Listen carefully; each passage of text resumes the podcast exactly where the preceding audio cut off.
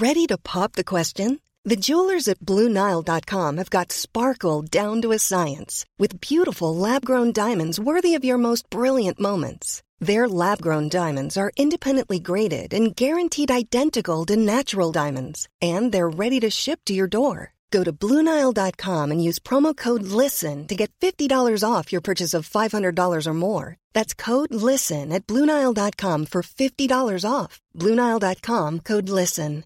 Hey, I'm Ryan Reynolds. At Mint Mobile, we like to do the opposite of what Big Wireless does. They charge you a lot, we charge you a little. So naturally, when they announced they'd be raising their prices due to inflation, we decided to deflate our prices due to not hating you.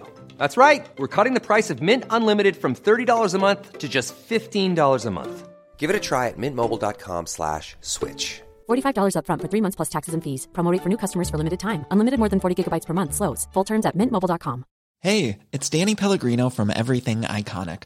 Ready to upgrade your style game without blowing your budget? Check out Quince. They've got all the good stuff shirts and polos, activewear, and fine leather goods, all at 50 to 80% less than other high end brands. And the best part? They're all about safe, ethical, and responsible manufacturing. Get that luxury vibe without the luxury price tag. Hit up quince.com slash upgrade for free shipping and 365 day returns on your next order. That's quince.com slash upgrade.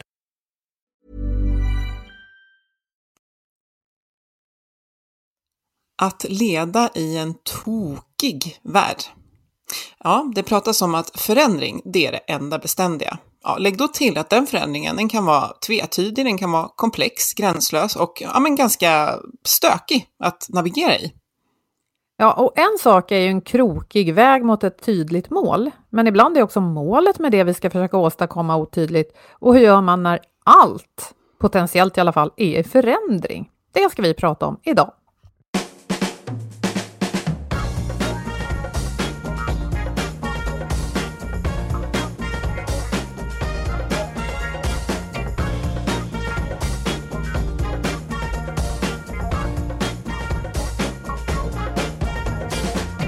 Du lyssnar på Health for Wealth. Det här är en podd om hälsa på jobbet. För trots att vi får det bättre och bättre så mår många av oss bara sämre. Ja, så kan det inte fortsätta. Därför tar vi reda på hur företag och organisationer kan bygga långsiktig hälsa och lönsamhet. Och börjar vi på jobbet sprider det sig ofta även till resten av livet. Vi är Ann-Sofie Forsmark. Jag driver företaget Oxy Group. Och Boel Stier, kommunikationskonsult. Lyssna på oss så får du nya insikter varje vecka. För dig som är chef, ledare, jobbar med HR och medarbetare såklart. Ja, Boel, det finns en studie som jag, jag tror att jag har tagit upp den i podden tidigare och den handlar om studenter som fick angripa en utmaning med tre olika syften. Och den ena gruppen de fick ett taktiskt mål. De skulle öka marknadsandelar med en viss procent, alltså det här var ett typ av spel de fick spela. En annan grupp de fick ett adaptivt mål. De skulle hitta, eller lära sig nya sätt att öka marknadsandelar. Och den tredje gruppen de fick bara uppmaningen att ja, men, gör, gör ert bästa. Ja, men det är intressant det där att ena gruppen, de fick ett tydligt siffermål, de andra skulle, skulle lära sig längs med vägen. Och den tredje, ja, göra ditt bästa, det känns lite taskigt att skicka ut människor med en sån uppmaning. Och redan med fasta förutsättningar på marknaden så visade det sig att de med det här adaptiva målet, de presterade bättre. Och sen när spelreglerna ändrades för alla parter och grupper genom en avreglering av marknaden, ja, då var det solklart att de med ett adaptivt mål vann. För de hade ju förberett sig på att lära sig flera olika strategier eh, utifrån olika tänkbara situationer. De ökade sin marknadsandel med 59 procent och det trots att eh, målet för dem aldrig var satt i, i siffror eller andelar. Mm. Och det, det, här är ett specifikt exempel, men vi tycker att det representerar lite hur det är att verka idag. För att oavsett om det är en pandemi som sveper in över såväl land, hälsa och verksamhet, så behöver dagens verksamheter vara förberedda och rustade för att verka i betydligt större osäkerhet än tidigare. Och idag ska vi prata om hur man kan hantera det här. Vi har bjudit in Leif Denti, universitetslektor och forskare på Göteborgs universitet, som forskar på förändring och innovation, både i privat och offentlig sektor. Och Leif har också skrivit en bok tillsammans med Maria Ben Salem Dynehäll som handlar om det här vi ska prata om idag, att leda i osäkerhet. Välkommen Leif! Tack, kul att vara här. Ja, superkul att ha dig med, framförallt eftersom jag nu håller på att läsa boken. Och eh, vi har ofta, och många andra också, pratat om VUCA-världen som beskrivs mm. som volatil, uncertain, osäker, då, komplex, ambiguous, eh, motsägelsefull. Och eh, det här begreppet började användas inom det amerikanska försvaret efter det kalla kriget, när en mer stabil hotbild på kort tid byttes ut mot någonting nytt. Men du har ju tolkat, eller det kanske du inte har tolkat, men du har ju använt akronymen TOKIG, tvetydig, mm. obekväm, omvälvande, komplex, instabil och gåtfull. Väldigt många ord som låter krångliga. Eh, vad är det i, alltså innebörden av de här orden? Kan du ge något exempel på hur det beskriver den, den här omvärlden som många verkar i just nu? Mm. Ja, men precis. Varför valde vi tokig? Jag tror att uh, det, var, det är ett kul ord helt enkelt. Uh, man kan använda det som ett verb. Man kan prata om tokiga projekt eller tokiga sammanhang eller tokiga processer eller tokiga världar. Så att, uh, det, det, är väl mera liksom att vi, vi vill försöka vi försökte formulera om den här VUCA-begreppet till något, något svenskt ord helt enkelt. Då. Um, och ja, vad är det som vad lever vi för värld egentligen? Jo, alltså man, man tror att, uh, man kan säga så här att det finns en, en amerikansk uh, managementguru som heter Gary Hamel som säger att change itself has changed. Alltså att förändringen, förändringen i sig uh, verkar bara liksom gå fortare och fortare. Um, kunderna är inte lika förutsägbara som de tidigare varit. Um, dels har vi liksom globaliseringen och allt vad det där innebär, att det dyker upp liksom företag uh, utanför landets gränser som kan konkurrera med oss på en internationell arena. Liksom. Um, som jag sa, kunderna börjar bli lite mer oförutsägbara. På 70-talet var det lite mer så att man, eh, man visste liksom att det där är seglarfamiljen, det där, det där är den där den där andra skidfamiljen och liksom man, har, man hade sina ganska distinkta intressen och beteenden. Eh, Medan nu, nu för tiden så ska alla åka ut och segla och alla ska åka till fjällen och åka skidor. Och liksom, så att vi, vi, skif, vi, vi skiftar liksom snabbare där. Och det gör ju att, uh, och, en tredje grej är att bara liksom poolen utav teknik uh, är mycket större nu för tiden, vilket gör att man kan kombinera teknik på många fler olika sätt. Uh, och man kan, vi, nu sitter vi över Teams till exempel, eller någon team, nej det gör vi inte faktiskt, en slags Teams-motsvarighet. Och bara den där grejen har ju kommit in, kommit in liksom från sidan och så ska vi försöka förhålla oss till hur det är just nu och jobba hemma, jobba på distans och sånt där. Så att liksom, teknikutvecklingen den, den har ju också en sån, en sån turbulent eh, kraft. Då, liksom. Och då, då tror jag att det gäller att förstå att vi behöver anamma nya sätt att leda och verka på som är mycket mer liksom inriktade på lärande och flexibilitet um, än klassisk liksom, projektplanering, alltså vattenfallsplanering där man liksom försöker, man försöker att planera ut hela projektet från början innan man ska genomföra projektet. Um, det funkar i vissa sammanhang tror jag, men jag tror att i de, i de allra flesta sammanhangen, speciellt när man ska liksom ge sig ut på nya vatten som man inte har man, inte, man har liksom en karta av att gå ut på sådana vatten. Då måste man ha mera flexibla, agila metoder då helt enkelt. Uh, så att, och naturligtvis så, jag tror att det här är ord som många liksom undrar lite vad det är för någonting. Jag har faktiskt svårt själv att förstå exakt vad det är. Uh, så att det ska bli intressant att prata om det här nu i podden. Liksom. Hur kan man arbeta enligt de här metoderna? Vad för slags ledarskapsfilosofier kan man ta sig och sådana saker? Mm. Ja. För det jag upplever när jag inte har läst klart boken är just det här att, att acceptera att vi inte vet. Och det du beskriver nu det är att fler saker kan förändras, men de mm. interagerar också med varandra. Så det blir, det blir så många variabler, så att det handlar jättemycket om att skapa ett förhållningssätt till att eh, inte veta eh, ja. vissa saker. Ja, eller många Precis. saker. Ja. Precis, eh, alltså en, en, slags ödmjukhet är det faktiskt i grund och botten skulle jag säga som, som ledare. Ehm, där man behöver inse att jag kanske inte kan allting från början och jag kanske inte, vi kanske inte i projektgruppen har, alla, har all kunskap från början för att kunna liksom klara av det här projektet på ett bra sätt. Utan det första vi behöver göra det är att först, försöka förstå och lära oss. Vad är det vi ska lära oss det första vi gör? Istället för att utgå från att vi redan kan och att vi redan har lösningen eh, från början. Då. Eh, så att det är, en, det är, en, det är en, ett mera ja, utforskande och, och arbetssätt som är liksom mycket mer inriktat på lärande än något annat skulle jag säga. När jag tänker på de här begreppen och hur man ofta pratar om förändring eh, så försöker i alla fall jag för att göra det konkret relatera just till digitala verktyg. Alltså mm. allt ifrån de vi använder i vardagen, det kan vara en kalenderapp eller mejlklienten eh, som det heter, alltså mejlprogrammet, till lite mer avancerade specialiserade system som kanske jag använder då som kommunikatör. Och så tänker jag att ja, men de uppdateras ju hela tiden. Det kommer nya funktioner. Eh, en vacker dag när jag loggar in så ser allt lite annorlunda ut. Och det här börjar vi vänja oss vid att jaha, då var det nytt. Ja. Och, och, och, då vet vi att ja, men för kanske 20-30 år sedan, då skulle vi gå på kurs. Och då fick man vänta med att jobba med det här tills man hade varit på kursen. Och mm. eller skulle man läsa en manual.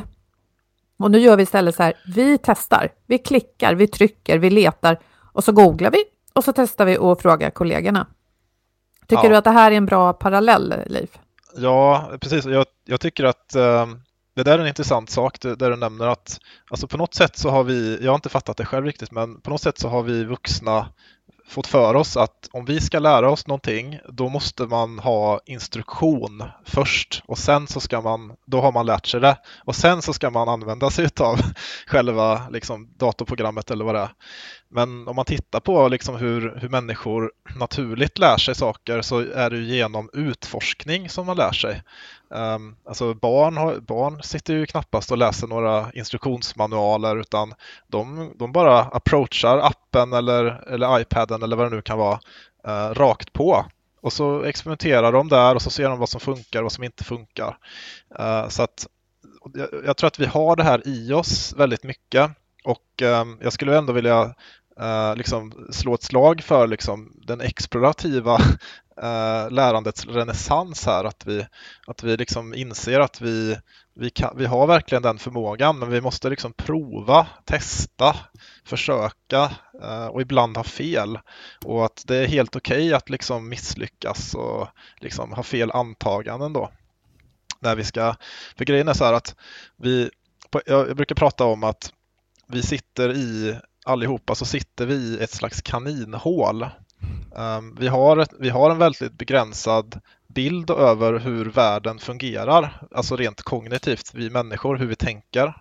Och um, om vi inte förstår det, då blir vi liksom fyllda utav övermod och hy hybris och så tror vi att vi, så tror vi, att vi kan lösa våra, våra uppgifter um, utifrån vår befintliga kunskap. Liksom. Eh, men vi måste förstå det att Alltså tänk er att ni sitter i ett kaninhål, alltså på riktigt då, och så blickar ni ut över världen. Och så, vad är det man ser liksom? Man ser, man ser en skärva av, eh, av världen. Man ser liksom 10 centimeter, en disk liksom. Ehm, men hjärnan fattar ju inte att den är begränsad på så sätt utan den, vi, tror att vi, vi tror ofta att vi vet mer än vad vi egentligen vet. Ehm, och det där är förödande för eh, sådana sådana sammanhang och sådana projekt där man ska försöka utforska det okända. Och vad, nu inser jag att, att vi rör oss på en väldigt abstrakt nivå så låt mig bli mera konkret. Vad, vad menar jag för slags projekt egentligen? Jo, alltså det kan ju vara alla former av utvecklingsprojekt. Uh, till exempel här i Göteborgs stad så uh, säg att besöksnäringen har fått ett, en grupp där då i Göteborg och kompani eller i i Business Region Göteborg, de här som sysslar med besöksnäring, de här eh, institutionerna. Där är det en projektgrupp och de har fått i uppgift att utveckla Göteborg som en attraktiv stad för besökare och turism. Eh, och det där är en ganska så stor fråga att knäcka liksom och tackla den frågan. Eh, troligtvis så behöver de ju samverka med, med andra liksom, förvaltningar och bolag i staden. eh, för att liksom se till så att det byggs ljus eller att det kommer upp julbelysning eller liksom vad det nu kan vara för grejer. Då. Ehm, och de måste dessutom förstå varför väljer folk Göteborg eller varför skulle folk välja Göteborg egentligen? Ehm, så att genom att den här typen av utvecklingsprojekt, de, där utgår man väldigt mycket ifrån okända parametrar. Um, man kanske inte känner till var, varför folk väljer Göteborg till exempel. Och då är ju första, det första man ska göra det är att försöka utforska och lära sig så mycket man bara kan om besökaren då. Um, och eh, då är det väldigt viktigt att vi, att vi är att vi inser det att vi, vi, har, vi sitter oftast inte på, på korrekt kunskap om saker och ting. Eh, utan det första vi ska göra är att skapa oss en bild över vad, vad, är, det som, vad är det som gäller här omkring egentligen. Hur, hur, eh, hur beter sig kunden och varför väljer, skulle kunden välja oss till exempel? Eh, därför att om man inte gör det, då riskerar man att lansera produkter och tjänster som jag, jag kallar det för sänka skepp-innovation. Uh, har, ni hört, har ni hört talas om det innan? Troligtvis inte va? um, när man spelar sänka skepp, då, har, då, är, då är det ju så att jag har en plan och ni har en plan. Och så är det, en, det är som en slags matris liksom att, uh, och som går från 1, 2, 3, 4 och sen är det A, B, C, D och så vidare. Och så lägger ni ut era skepp där på matrisen. Um, och um, det, jag, så här var det, 2010 så släppte Telia en uh, tjänst som var eller jag tror det var 2010, jag kommer inte ihåg exakt. Men det, var, det här var alltså en mus musikströmningstjänst um, som fungerade precis som Spotify. Och um, har ni, har ni haft den här eller ni, känner Nej. ni till att den? Nej. Nej. Jag, jag, har, jag har ställt den här frågan till folk uh, många gånger. Är det någon som kände till Telias musikströmningstjänst. En, gång, en person har en gång sagt att, att hon kände till den faktiskt. Men nu snackar vi liksom tusentals eh, som jag har frågat här. Och eh, det enda, enda anledningen till varför jag vet om det, det var för att min mamma fick med den här tjänsten i sitt Telia-abonnemang då. Och jag tyckte att det var roligt att, att de gjorde det här för att jag, jag tänkte det redan då att det här kommer aldrig funka liksom därför att folk har redan Spotify. Mm. Alltså folks behov är redan täckt mm. av Spotify som har gjort ett väldigt bra jobb med att täcka det. Um, så vad Telia gjorde där, det, det var att de, de, de, spelade sänka skepp med sina kunder. Och så sa de det att nu släpper vi innovationen D3. Liksom. Uh, och, så, och så går kunderna till sin plan och där har de sina behov liksom utlagda som ubåtar och uh, liksom vad det nu är, jagare och allt sånt där. Va? Så går de till sin behovskarta och så säger de så här D3. Nej, bom! Noll behov. behov. Noll behov. Uh, så att, och det där är ett väldigt typiskt sätt som, som företag sysslar med innovation. Det är att man utgår ifrån dels vilken teknisk kapacitet man har. Man tänker sig med den här tekniken då, då skulle vi kunna släppa den här tjänsten. Men det där har ju ingenting att göra med om det finns ett behov egentligen där i grund och botten som den, som den så att säga targetas mot. Uh, men det är ganska vanligt att man spelar sänka skepp med marknaden på det sättet och bara utgår ifrån vad man kan som, som liksom kompetens eller teknikplattform. Då. Vad man kan uh, göra och kanske inte ja, vad, vad, man, man vet och inte veta. Precis, och eh, ännu vanligare skulle jag säga och, och eh, ännu dummare då, eh, det är ju att en ledningsgrupp sitter och bestämmer vilka tjänster och vilka produkter som företaget ska släppa på marknaden.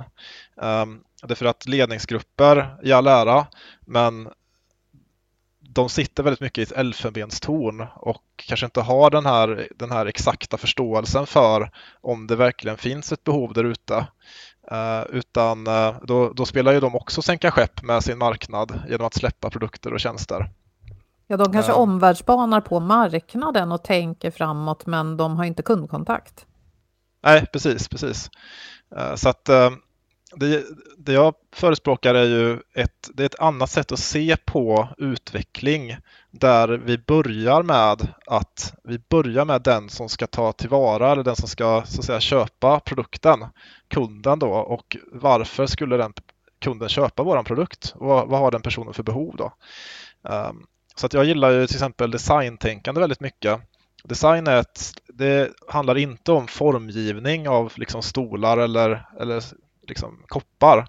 Utan det handlar om att, att anpassa ett erbjudande som man själv kan ta fram till ett faktiskt behov som finns där ute. Eh, det är design. Så design är kopplingen mellan erbjudandet och behovet. Då. Och ehm, den processen är väldigt väl använd, den är väldigt väl um, förstådd och den funkar väldigt bra. Det här är till exempel ehm, ni som lyssnar kanske känner till företaget IDEO som har varit väldigt tidiga med att använda designprocesser i sin produktutveckling. Då så. Eh, och design är en process som är väldigt utforskande där man, där man inser att vi har inte kunskap från början. Vi måste liksom gå ut och ta tag på den kunskapen för att kunna fatta rätt beslut om vilka produkter vi ska utveckla med våra begränsade resurser. Men eh, intressant, jag har hört det här och sett begreppet design thinking mycket i periferin och bara förstått lite grann vad det handlar om.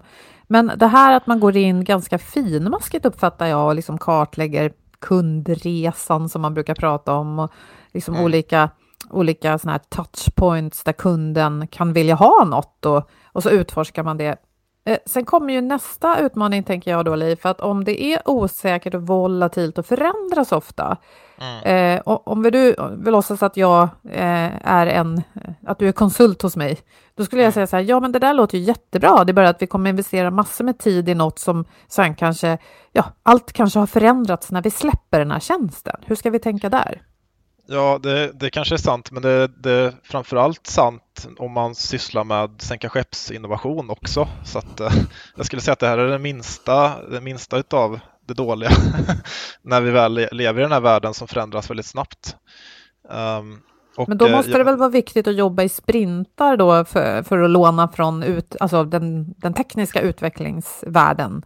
Att ja, man kanske inte gör för mycket innan man går ut där på marknaden? Ja, vi, I boken kallar vi det här för att man loopar. loopar och, ja. och det är att man, man loopar betyder läroloopar då. Så att vi måste hela tiden så att säga, testa våra antaganden mot den faktiska verkligheten. Vi kan inte sitta i kaninhål och jobba eh, och liksom ta fram grejer på, på kammaren då eller i elfenbenstornet. Utan, utan för att kunna ha den bästa trackingen mot vad kunderna, hur kunderna faktiskt kommer bete sig när vi släpper produkten i fråga, om det handlar om innovation, eh, då måste vi hela tiden testa de antagandena som vi gör om kunden mot kunden i fråga. Då, så att säga. Eh, det där är jätteviktigt.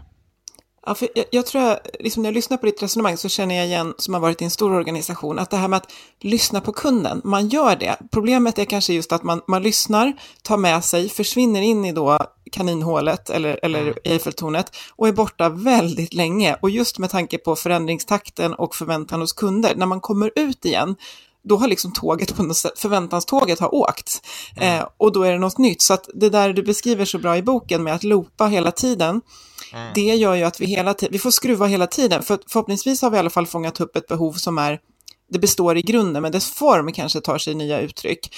Mm. Och, och då kommer vi in på det som är fruktansvärt jobbigt för oss människor, att inse att om man kan ju använda vilken semantik man vill. Har vi gjort fel eller har vi liksom Mm. Och, och, det blir det här som vi pratar om, confirmation bias, att det är så himla jobbigt när vi alla bara vill hurra det vi har gjort och så inser vi att vi behöver faktiskt gira och skruva på det här efter att vi har loopat gentemot våra, eh, de som ska Precis. ta emot produkten. Och det där är ett förhållningssätt som, som kräver mycket, tänker jag, i ett ledarskap i den här processen.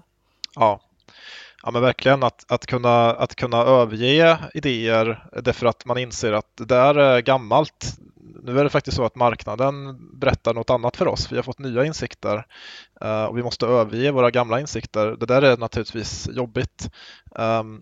Men jag tror att det är, ett, det är ett förhållningssätt som man kan ta sig, alltså att man kan alltid ha en till idé faktiskt.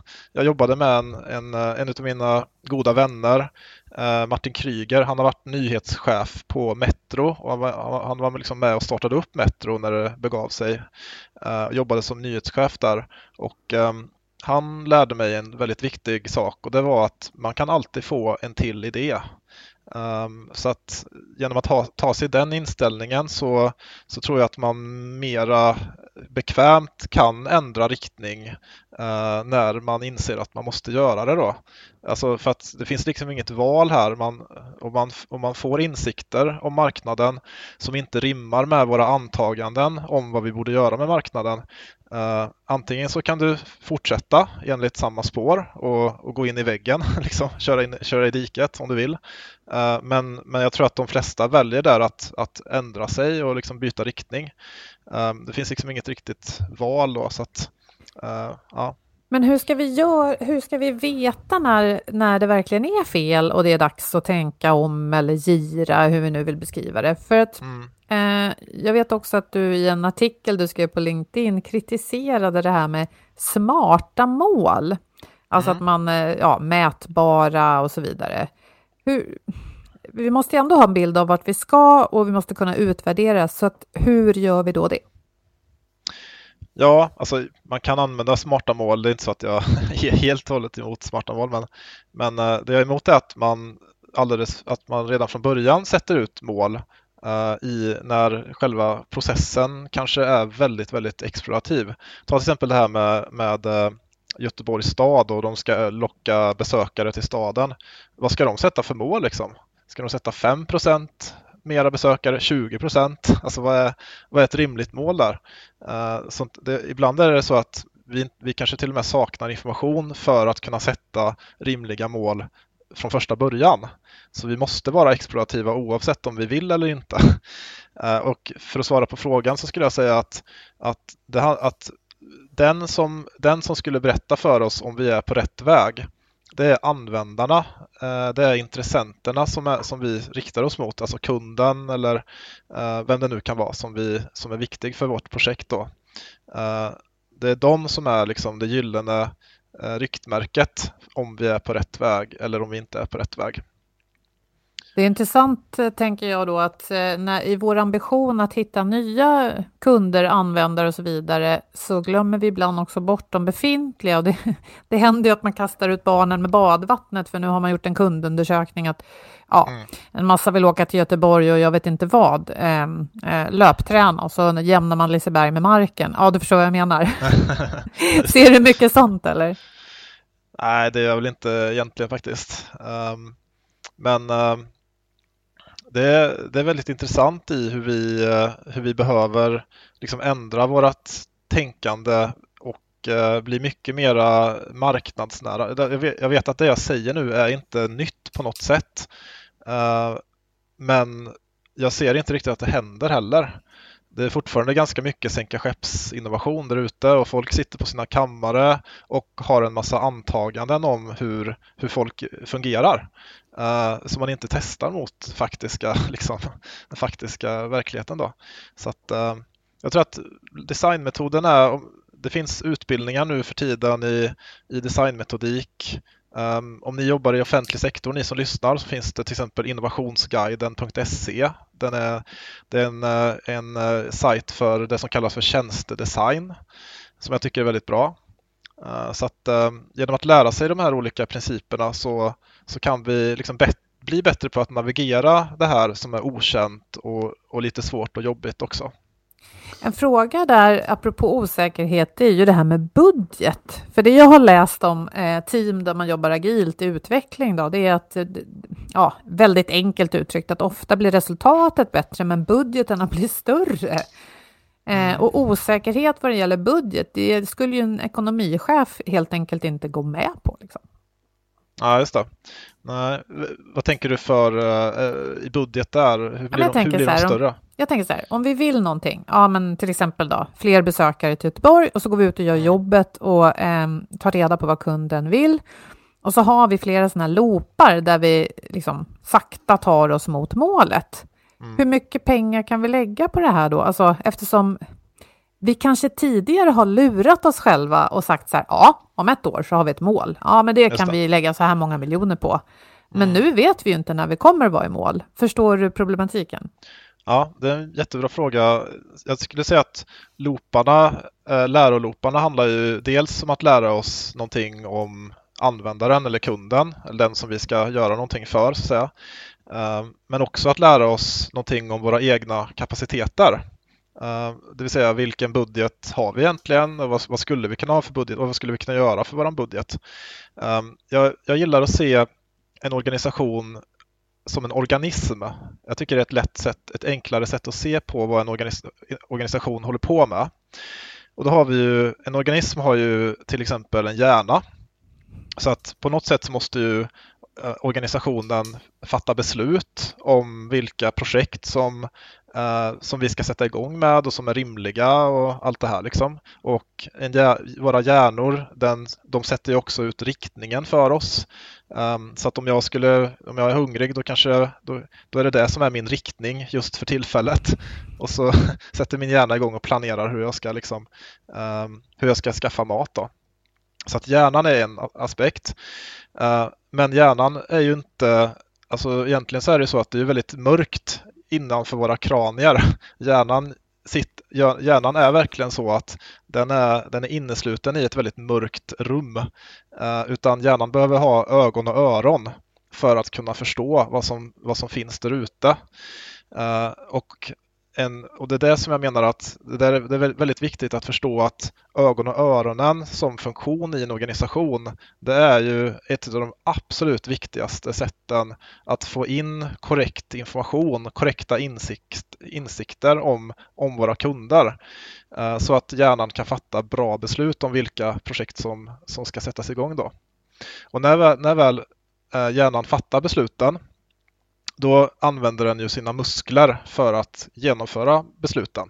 Och musklerna är ju till exempel utvecklingsavdelning eller det kan vara projektteam som ska utveckla någonting, tjänstedesigners, um, ja, olika, olika, liksom, olika människor och, och, kapaciteter som gör att man kan förverkliga beslutet i fråga. Så att ögon och öron, hjärnan och musklerna de tre måste vara sammantrimmade på ett bra sätt. Eh, om vi, om vi får den sammantrimningen då får vi också en väldigt bra eh, flexibilitet i vart man ska befinna sig i framtiden.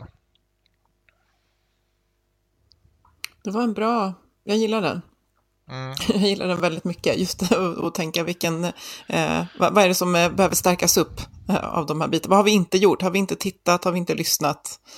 Eh, ja. Precis. En, klass, en klassisk svaghet i många organisationer som jag har besökt är ju att eh, ögon och öron och eh, musklerna inte riktigt eh, samspelar med varandra och ofta är det då till exempel marknadsavdelningen och FoU-avdelningen. En väldigt klassisk grej att de på något sätt ligger i luven på varandra eh, och ehm, det behöver de inte göra faktiskt. Jag, jag har inte riktigt fattat varför de ligger i luven för varandra. Eh, men eh, det kanske är för att jag sitter i mitt eget lilla kaninhål.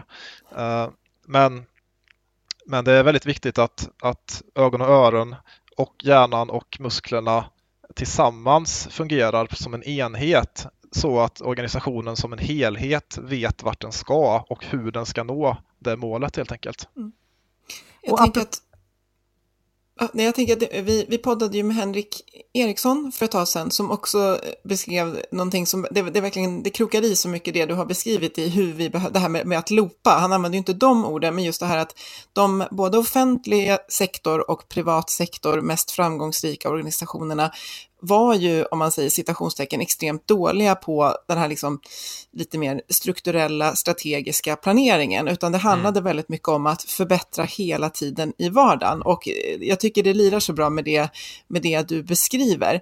Och jag kan tänka, jag kan bli, jag kan, om man zoomar ut lite så känns det som att vi har så mycket stöd för att det här är så som vi behöver verka idag, eh, den här omvärlden, även om vi beskriver den på olika sätt, eh, det här havet eller vad vi ska beskriva det, så, mm. så, kan vi nog skriva under på de här beskrivningarna med, med en tokig värld och en VUCA-värld. Och ändå så verkar det vara så svårt att, att organisera sig så här som den här eh, mer agila organismen. Och det, mm. eh, det fascinerar mig. Och hur, hur kan man göra den förflyttningen om man börjar säga att men vi behöver ju jobba mer så här, men vi gör ju inte det just mm. nu. Vilka typer av verktyg kan man använda då? Ja, jag skulle, det är en bra fråga, men som en, som en liksom orientering så skulle jag ändå vilja säga att på 50-talet då var det liksom nytt med eh, att jobba i projekt. Alltså ingen hade jobbat i projekt innan och så var det helt nytt för oss och då skulle vi lära oss att jobba i projekt och, och det tog ett decennium kanske innan vi blev bekväma med det, eller kanske till och med två decennium. Um, och på 80-talet då var det ytterligare en sån här jätteviktig och stor grej som alla började jobba med och det var ju kvalitet, kvalitetsarbete ehm, på olika sätt. Och det kanske tog oss två decennium att, eh, att, att det där ska sätta sig och lära oss då. Så att egentligen då, skulle säga från och med kanske 2013 och sånt. Jag har forskat på innovation sedan 2009, eh, men kanske 2013 för då släppte nämligen i Sverige så släppte eh, Svenska innovationsrådet sin offentliga utredning. Ehm, och ehm, som då satte ganska mycket liksom riktningen för hur svensk innovationsförmåga ska se ut framåt. Då. Och sedan dess har det blivit väldigt mycket mer populärt det här ordet innovation. Eh, men det är egentligen samma sak där, att vi, det här är någonting som vi behöver lära oss, precis som projektledning, precis som kvalitetsarbete. Och det kanske tar två decennier innan vi liksom verkligen är där och har lärt oss alla de här olika liksom, principerna för hur vi kan jobba annorlunda. Då. Eh, så att men för att besvara så det är orienteringen. Jag tror att jag är, jag är positiv till framtiden. Jag tror att vi kommer att liksom hitta eh, nya och bättre arbetsformer som eh, speciellt i den offentliga sektorn verkligen. Och där är man ju superintresserad av att bygga upp den här kapaciteten.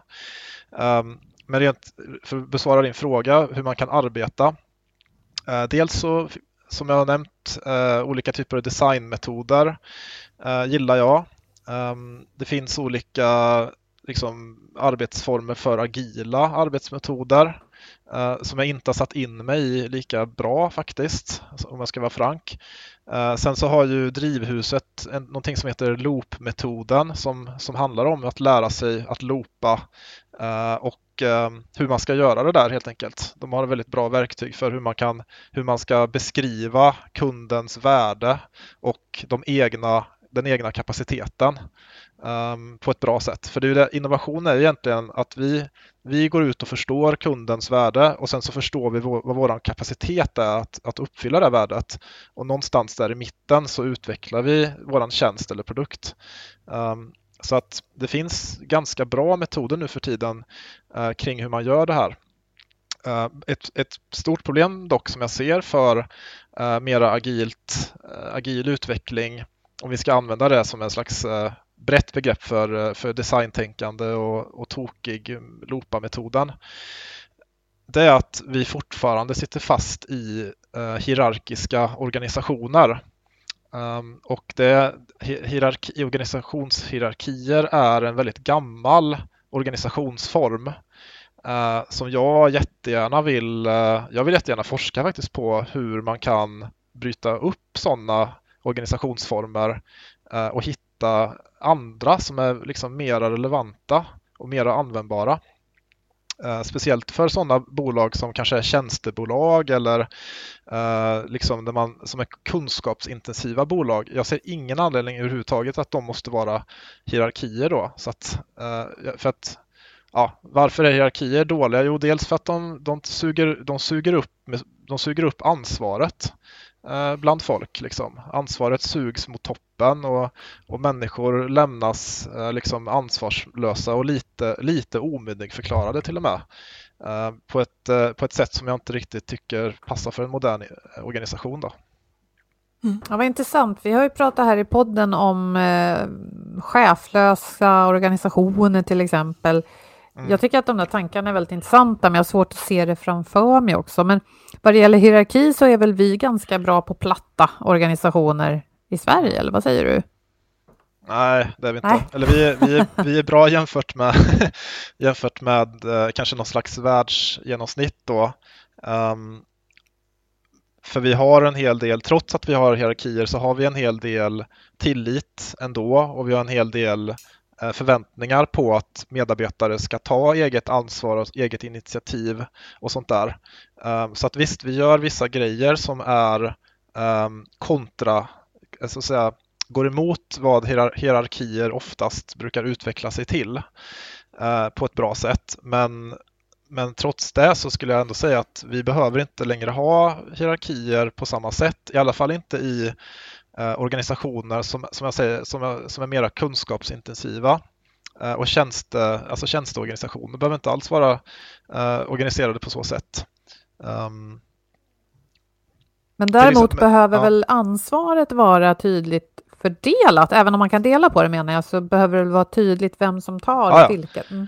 Absolut, eh, men, men det jag sa nu, det motsäger liksom inte eh, just det där att ansvaret jag säger inte att ansvaret inte ska vara eh, otydligt fördelat då, utan det är klart att det ska vara det.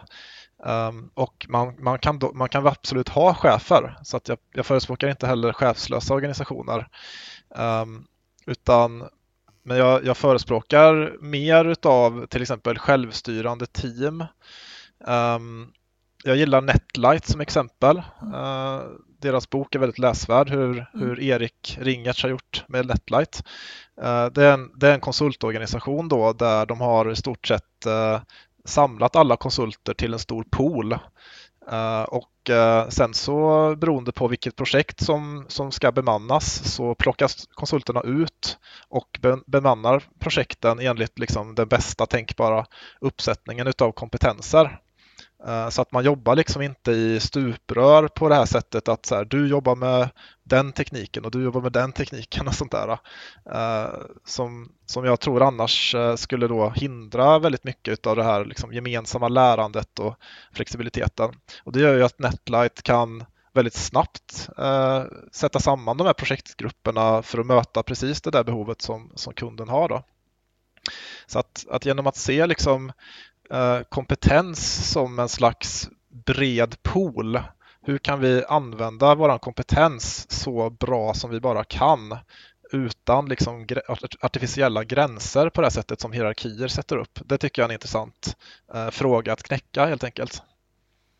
Mm. Ja, vi var inne på... Visst... Nej, jag tänkte visst har vi båda läst den boken, Boel? Eh, ja, Netlight-boken, ja. precis. Och jag mm. tänker också att det du berättade nu eh, tycker jag eh, hänger ihop med det här med den adaptiva gruppen från ditt mm. exempel i början, Ansvi. Att de som hade i uppgift att lära sig presterade bättre än de mm. som hade ett siffersatt mål. Mm. Eh, men jag kan tänka mig att det ändå ska mycket till ibland för att ja, styrelse, ledningsgrupper, chefer liksom ska våga släppa taget lite mer. Vad stöter du på där ute, Liv? Ja, det är klart att det finns en sån, eh, en sån rädsla. Um, jag vet inte varför. Varför är det så, tror ni? Varför finns det en sån rädsla? Jag tänker att, eh, jag gissar i alla fall att om man som chef då eh, man kommer att få stå till svars sen för resultatet, mm. så kanske man tänker att om jag, om jag verkligen styr och kontrollerar det här, då ska det väl inte gå helt åt pipan i alla fall, eller? Ja, just det. Mm. Ja, precis. Men frågan är om man gör sig en tjänst bara genom att uh, styra och kontrollera. Nej. Eller, Om det, eller om det känns som att man gör sig en tjänst bara. Antagligen. Mm. Men det blir det kanske just att det är lättare för en styrelse, ledningsgrupp att sätta de där hårda parametrarna eh, som, som inte egentligen stöttar det här som vi beskriver nu. För det andra, det kräver ju lite grann att man är med och, och hänger med, inte, inte kontrollerar utan eh, ser hela tiden, för då kan man ju vara trygg. Men vi har sån trygg dialog med hela organisationen hela tiden på något bra sätt så att vi ser att vi gör det som är mest relevant i stunden. Men det är inte mm. riktigt så, så här, rapporteringssystem liksom funkar. Det kräver mycket tillit och det kräver också, tänker jag också, eh, med tanke på våra hjärnor fungerar, att det här klarar vi bara av när vi inte känner oss stressade och pressade. För när vi är stressade mm. och pressade, då klamrar vi ju efter någon typ av falsk trygghet då, som kanske är långsiktigt numerisk. Så att eh, krävs Precis. ett annat sätt att jobba hela vägen upp, eller in och ut till styrelse och så. Mm. Det som är intressant med, eh, med osäkerhet det är att ju, ju större osäkerhet vi upplever desto mera klamrar vi efter den här strukturella snuttefilten. Uh, och vi, vi, vill ha ännu starkare styrning och det ska vara ännu, ännu fler mätetal som vi ska mäta hit och dit och, uh, och sånt där. Och man har också sett att uh, man blir, ju högre osäker man är desto mindre blir man benägen att känna igen verkligt kreativa idéer. Uh, vilket är lite av en paradox då för att mm. det är precis då man behöver ha riktigt kreativa idéer. Mm. Uh, men så där spelar våra hjärnor ett spratt liksom. Mm. Och eh, jag tror att för att kunna undkomma den, det sprattet så, så gäller det att vi liksom lär oss vissa, vissa metoder. Mm. Väldigt mycket av, jag brukar, här, jag brukar ofta få frågan um, vad är det som kommer först egentligen? Är det kultur eller är det struktur? Mm. Um, ska man börja med att liksom få till ett slags uh, liksom en tolerans för experimentering, misslyckanden, tillit, eh, liksom öppenhet inför nya idéer, att man får ifrågasätta liksom den här mera innovativa kulturen. Eller ska man börja med att sätta strukturer, alltså arbetsformer, eh, roller som kanske liksom vet är utbildningar, eh, den här typen av saker. Vad ska man börja med? Och eh, jag, jag har länge tänkt att det bästa är att börja med kulturen. Men faktum är att jag har ändrat mig på senare år. Utan nu tror jag faktiskt att det bästa man kan göra är att börja med att införa vissa arbetsformer i det lilla och testa dem. Eh, därför att då får man väldigt mycket eh, liksom kultur på köpet för att de här arbetsformerna kräver nämligen att man tänker på annorlunda sätt. Eh, så att man får, får med sig en viss kultur på köpet. Och det är bra att man börjar att testa i det lilla därför att eh, Därför att jag tror att man får bäst acceptans genom att göra det istället för att bara kabla ut det här till hela organisationen, vilket skulle troligtvis skapa motstånd ganska mycket och sånt. Utan mm. låt, låt, det börja, låt det börja det lilla och så eh, får, ju då, får ju då det här arbetssättet kanske bevisa sig själv så att eh, de här skeptikerna liksom köper det så småningom helt enkelt. Vi ska inte underskatta ett eh, klassiskt litet agilt pilotprojekt med andra ord. Nej, nej men precis. Mm. Men det är intressant det du säger och förresten tack för att du visade att du är adaptiv och kan ändra inställning apropå kultur och struktur. Nej men det är väl, eh, det låter ju logiskt att, att det är bra att ha något konkret att jobba med och inte bara säga nu ska vi skapa en ny kultur. Det kan kännas lite kanske eh, väl abstrakt. Men mm. det slår mig en sak nu när vi pratar, eh, allt det här osäkerhet och förändring, det är ju på ett sätt ganska tuffa förutsättningar för oss alla. Även om det förstås kan vara väldigt kittlande och kul också. Beroende på dagsform kanske. Men eh, just det du sa här allra sist, att ta små steg. Det känns ju som en, eh, för mig i alla fall, otroligt viktig framgångsfaktor. För just när vi inte vet allt i alla steg mm. så eh, måste man kunna ta små steg och sen förbättra. Mm.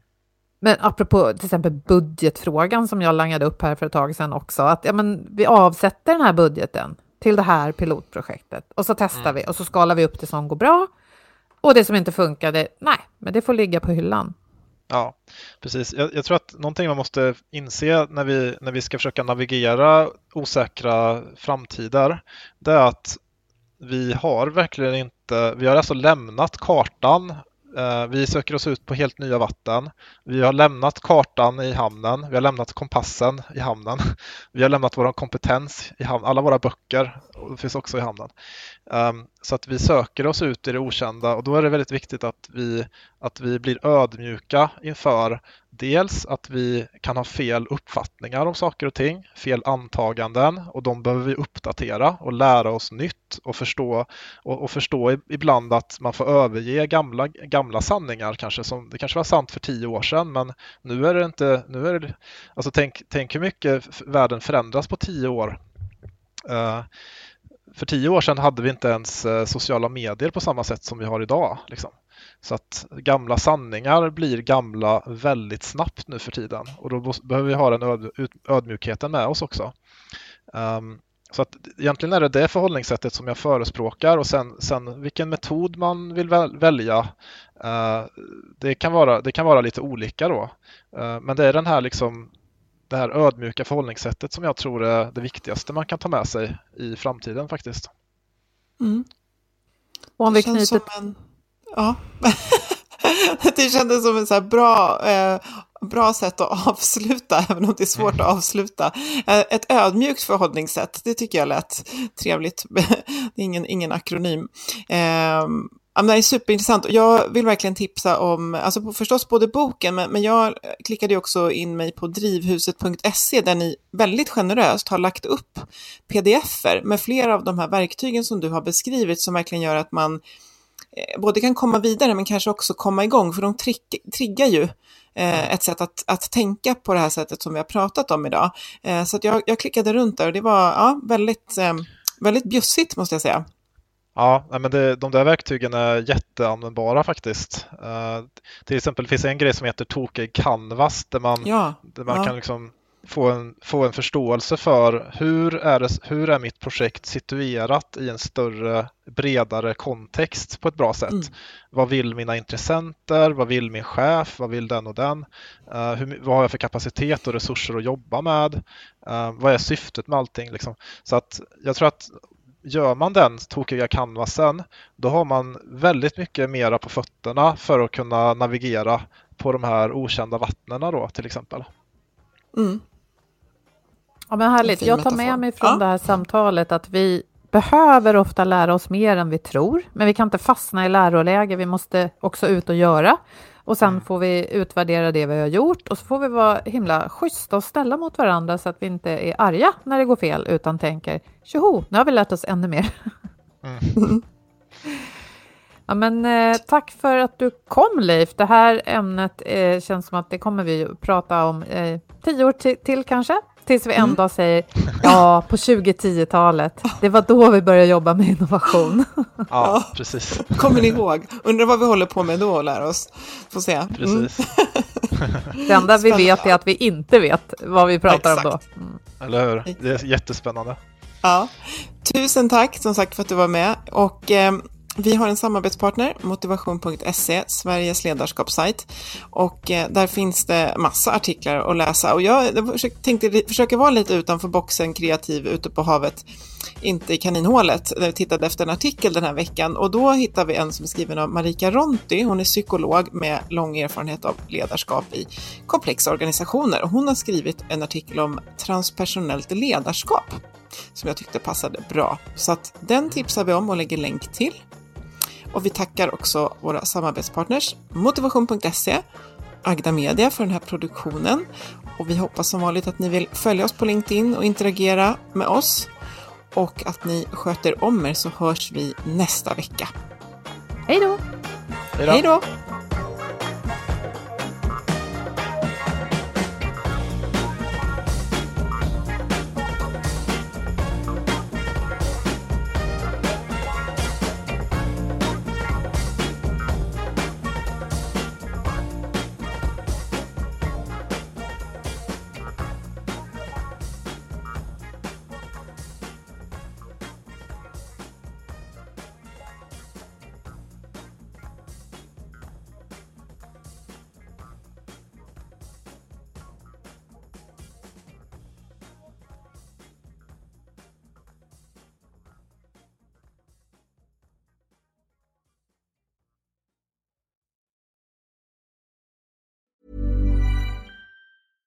Selling a little or a lot? Shopify helps you do your thing however you cha-ching. Shopify is the global commerce platform that helps you sell at every stage of your business. From the launch your online shop stage to the first real life store stage, all the way to the did we just hit a million orders stage. Shopify is there to help you grow. Shopify helps you turn browsers into buyers with the internet's best converting checkout. 36% better on average compared to other leading commerce platforms because businesses that grow grow with Shopify. Get a $1 per month trial period at shopify.com/work. shopify.com/work. Hey, it's Paige DeSorbo from Giggly Squad. High quality fashion without the price tag. Say hello to Quince. I'm snagging high-end essentials like cozy cashmere sweaters, sleek leather jackets, fine jewelry, and so much more. With Quince being 50 to 80% less than similar brands. And they partner with factories that prioritize safe, ethical, and responsible manufacturing. I love that. Luxury quality within reach. Go to quince.com slash style to get free shipping and 365-day returns on your next order. quince.com slash style. Mom deserves the best, and there's no better place to shop for Mother's Day than Whole Foods Market. They're your destination for unbeatable savings, from premium gifts to show-stopping flowers and irresistible desserts. Start by saving 33% with Prime on all body care and candles. Then get a 15-stem bunch of tulips for just $9.99 each with Prime. Round out Mom's menu with festive rosé, irresistible berry chantilly cake, and more special treats. Come celebrate Mother's Day at Whole Foods Market.